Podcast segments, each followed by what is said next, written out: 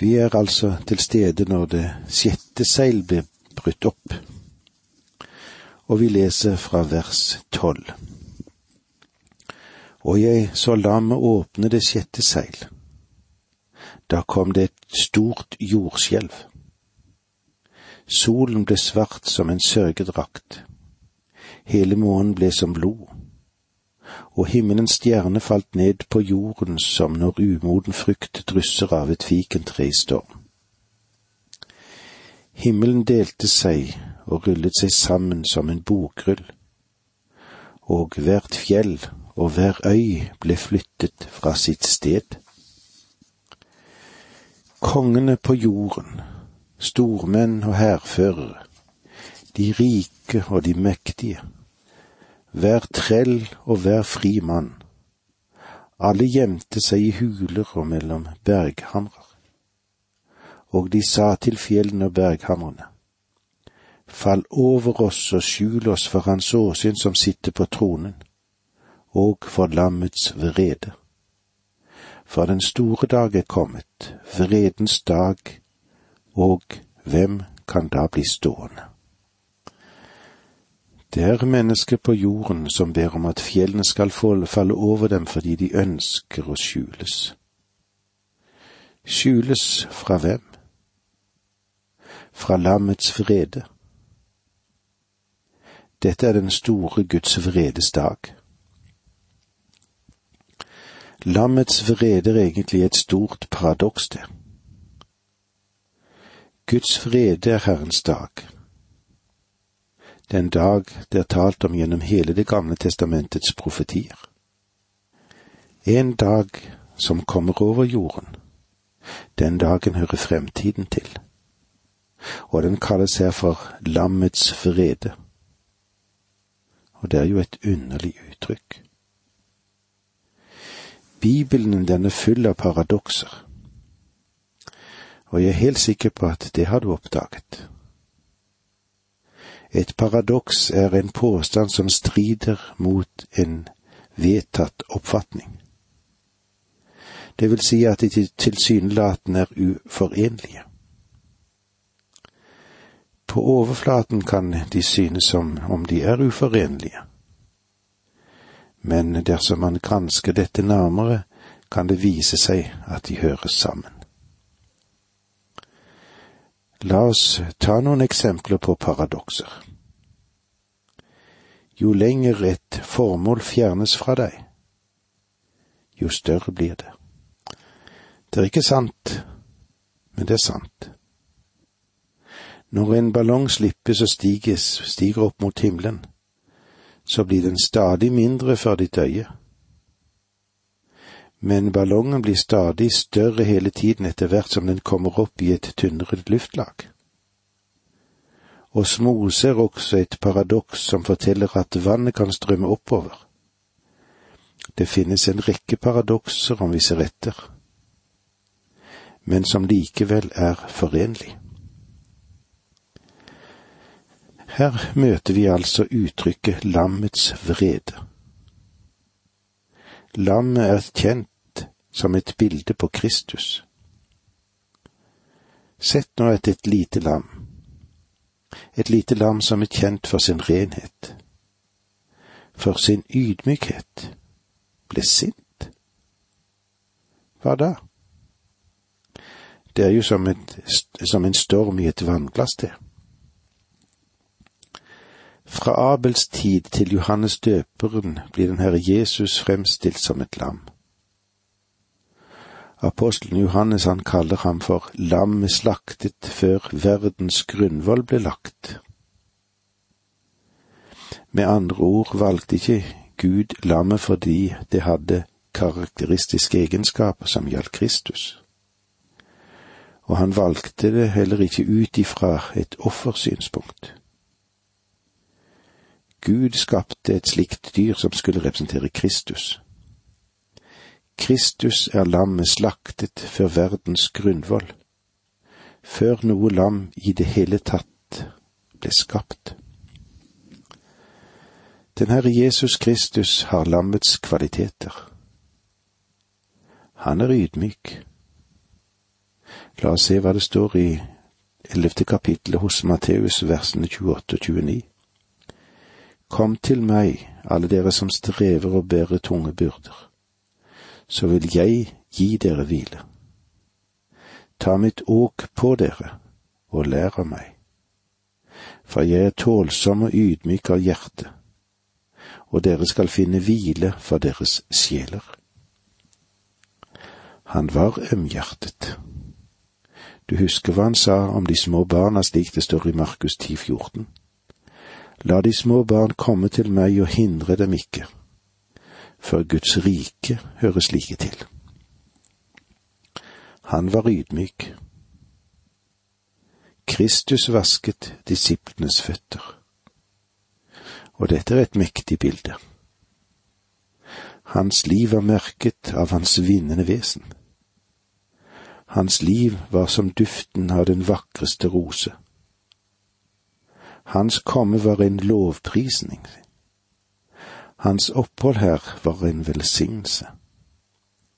Hans avskjed, det var en takksigelse. Selv den vantro verden var blitt fascinert av hans liv. Lammet ga sitt offer. Abraham sa, Gud vil selv skaffe oss et lam, og Gud ga seg selv som et lam. Hva da med vreden? Vreden, den virker fremmed og uforenlig selv med Gud som person oppi dette, ikke sant? Gud elsker det gode. Gud hater det onde. Han hater ikke som du og jeg hater. Han har ingen gjengjeldelse og forsmådd stolthet gjemt i sitt hjerte. Gud er rettferdig. Gud er hellig. Og han står i opposisjon til alt som strider mot ham selv. Han sier at Javé går til strid. Han er streng og mektig. Han er mektig i strid. Evangeliet åpenbarer Guds frede, og Paulus skrev det slik i Romerbrevet 1,18. For Guds vrede er åpenbart fra himmelen mot all ugudelighet og urettferdighet hos menneskene, som holder sannheten nede i urettferdighet. Se nå på den verden som vi lever i. Den bærer allerede preg av Guds fred, Guds dom. Det synes det å være som å blande ild og vann og knytte sammen vrede og lam. Men all Guds vrede er åpenbart i lam. Da den Herre Jesus var her på jorden, drev han pengevekselen ut av tempelet. Var det en tilfeldig handling? Det var det ikke. Han kalte de religiøse lederne en samling av slanger og kalkede graver. Han forbannet fikentreet og sa, Ved deg, Kapernaum. Kristus avviste Jerusalem, men han hadde tårer i øynene da han gjorde det. Han kontrollerer fremdeles naturkreftene, og han bruker den i sin dom. Gud har erklært krig mot synd. Og jeg sier, velsignet være Hans navn som ikke vil inn, inn, inn i kompromisser med det som har brakt slik forferdelse og forråtelse inn i den menneskelige familie. Det kommer en dag da lammets vrede skal åpenbares. Noen sier, jeg trodde at han var mild og ikke ville straffe synd. Gud sa, vær nå forstandige, konger ta imot advarsel, herskere på jorden. Tjen Herren med ærefrykt og glede. Kyss skjelvende jorden for hans føtter, så han ikke skal bli vred og dere gå til grunne på veien. For lett kan hans vred bli tent. Salig er de som tar sin tilflukt til ham. Dette står i Salme to, versene ti og tolv. Salig er alle de som tar sin tilflukt til ham. Og med disse ordene sier vi takk for nå, må Gud være med deg. Dette undervisningsprogrammet består av to deler. Åge Nevland fortsetter nå med andre del av dagens undervisning. Vi er i Johannes' åpenbaring, og vi er, har gått gjennom det sjette kapitlet og sett på hvordan det er med de seks seil av de syv seil som skulle åpnes. Nå er vi kommet til kapittel sju.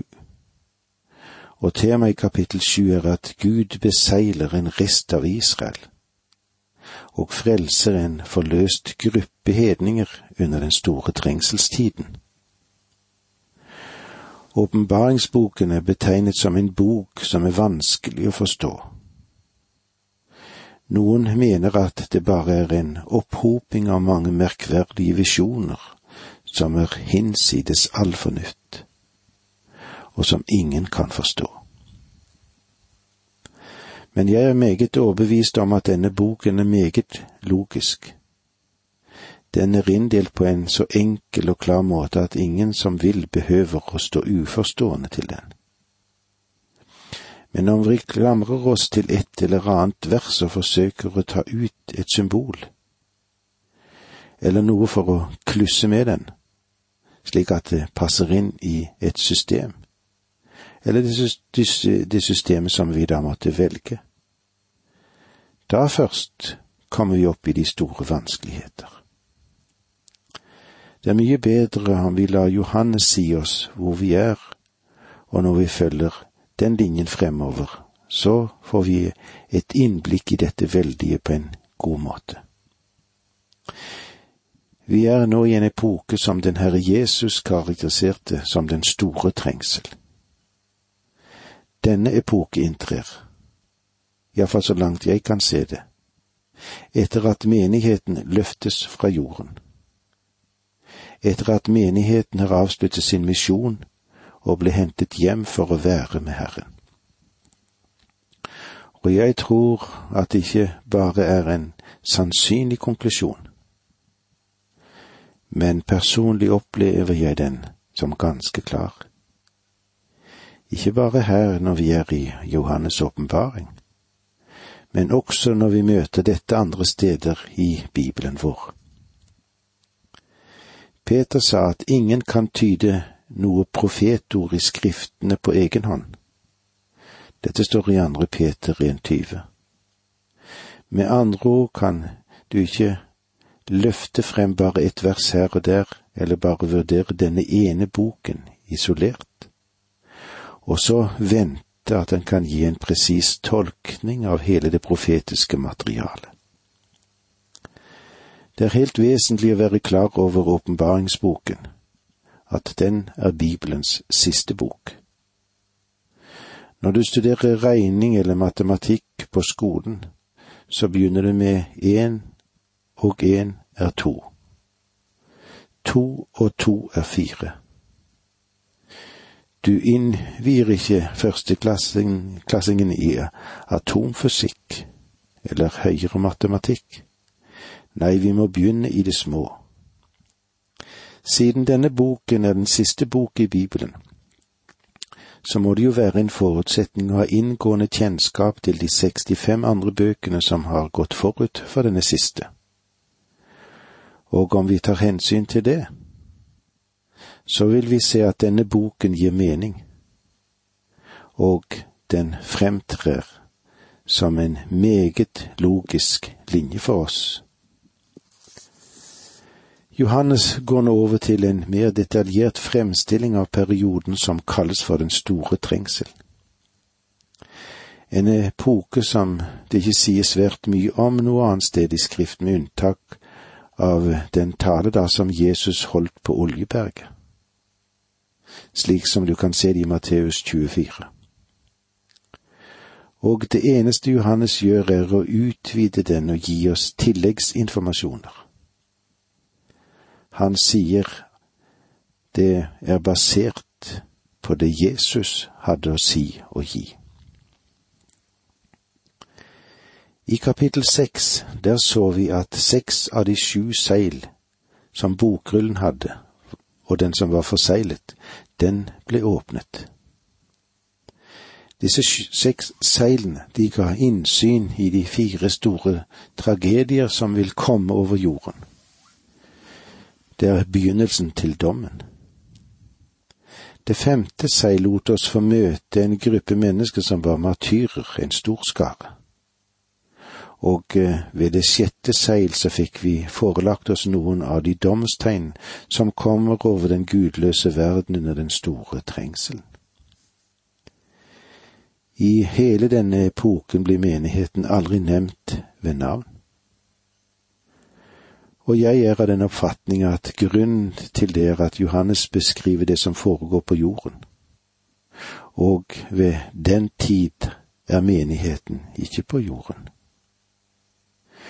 Johannes han ble jo bedt om å skrive det han hadde sett, og han så et syn av den herliggjorte Kristus. Deretter så ble han bedt om å skrive ned det som nå er. Han befant seg i menighetens periode, og vi er der fremdeles i dag. Og siden menigheten fremdeles befinner seg i verden, så betyr det at vi fremdeles befinner oss innenfor det parentes som utgjøres av dette begrepet, det som nå er. Menigheten var tema i kapittel to og kapittel tre. Menigheten i Efesos, menigheten i Smyrna, menigheten i Pergamon og kirken som vi hadde i Tyratier osv. Men i det kapitlet som vi nå har begynt å gå inn i, er det ingen tale om eller til menigheten, fordi menigheten ikke er her på jorden. Vi så i kapittel fire og fem at menigheten var i himmelen. Og det er dit menigheten vil løftes når den blir tatt herfra. Jeg vil senere gå inn på de forskjellige årsaker til at jeg tror menigheten ikke kan gå gjennom den store trengsel. Det er faktisk både moralsk og et teologisk problem om menigheten skulle gå inn i trengselsperioden. Og det vi nå ser er at temaet endres.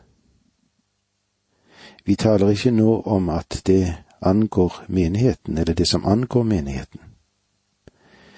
Vi er blitt forelagt en bokrull med sju seil, og seilene ble brutt ett for ett. Seks seil er blitt brutt i det foregående kapitlet. De fire rytterne som vi har vært innom, introduserer den store trengsel. Og de sju seil gir oss et oversiktsbilde over denne syvårige epoken. Det siste av disse seilene er knyttet til de siste tre og et halvt år av den samme parentes som den store trengselen utgjør. Der vi nå befinner oss, er den fjerdedel av jordens befolkning blitt borte i dommen. Den er blitt ført til døden. Og jeg er sikker på at alle som leser åpenbaringsboken, er klar over at det vil være vanskelig å komme gjennom i denne perioden. Spesielt for dem som venner seg til Guda, tar imot Kristus og står for ham. Og spørsmålet er, vil de troende være i stand til å stå for ham under denne perioden. Johannes vil nå nedfelle et annet prinsipp som han vil følge fordi han vet at du og jeg vil ha vanskeligheter med åpenbaringsboken. Det er derfor han har gjort den så enkel for oss. Han leder oss frem til en serie av hendelser med sju enheter i hver av dem men måten han håndterer dette på, er så viktig å legge merke til. Her følges en bestemt oppbygning fra seilene blir brutt til fredesskålene. Mellom sjette og sjuende del i hver av disse serier er det et mellomspill som tilsynelatende virker uvedkommende. Men det er et forklarende ledd, dette Den forklarer handlingen og besvarer visse spørsmål. Og eh, det er dette kapittel sju vil hjelpe oss med.